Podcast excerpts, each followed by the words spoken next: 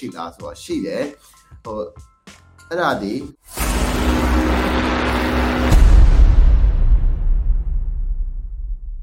နောက်ထပ်မေးခွန်းတစ်ခုမေးထားတာကကိုပီဆိုတန်ရဲ့နောက်ထပ်မေးခွန်းက TikTok မှာတဲ့ normal user အနေနဲ့မဟုတ်ဘဲနဲ့ insight ကြည့်လို့ရတဲ့ business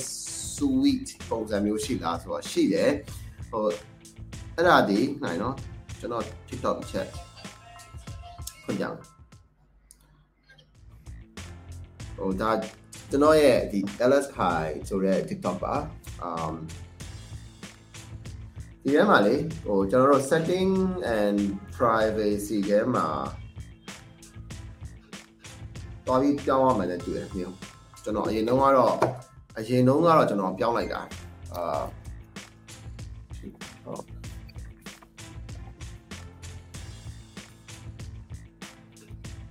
အဲ့တော့ TikTok ကတည်းက creator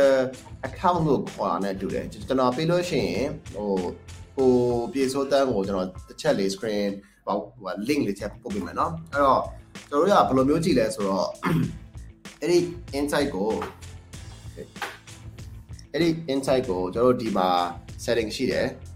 ဟိုကျွန်တော်ကောင်းတာ creator account ဖြစ်ဖြစ်ပြီးသွားပြီပေါ့เนาะအဲ့ဒီထဲမှာကျွန်တော်တို့ဒီမှာ creator choose ရ okay ကျွန်တော်တို့ camera က mirror ဖြစ်နေ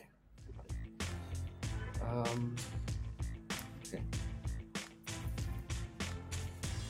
ငါမြင်ရမယ်တွေ့နော်ဆိုတော့ဒီမှာကျွန်တော် business suite ဆိုတာရှိတယ်ကျွန်တော် business suite ဆိုတာရှိတယ်အဲ့ business suite ထဲမှာကျွန်တော်တို့ရဲ့အာ data တွေမြင်ရပါလိမ့်မယ်အာနော် analytics ထဲမှာ yes analytics ထဲမှာကျွန်တော်တို့ဒီ data တွေမြင်ရတယ်ဆိုတော့ ဆိုတော့ um ဒီထဲမှာမှာကျွန်တော်တို့ကထားပါတော့အာ reach တွေဒီမှာဆိုလို့ရှိရင်ဗျာကျွန်တော်တို့ engagement တွေ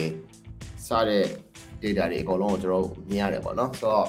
အဲ့ဒီပုံစံမျိုးနဲ့ကျွန်တော်သွားကြည့်လို့ရတယ်အာနောက်တစ်ခုက analytics yeah ဆိုတော့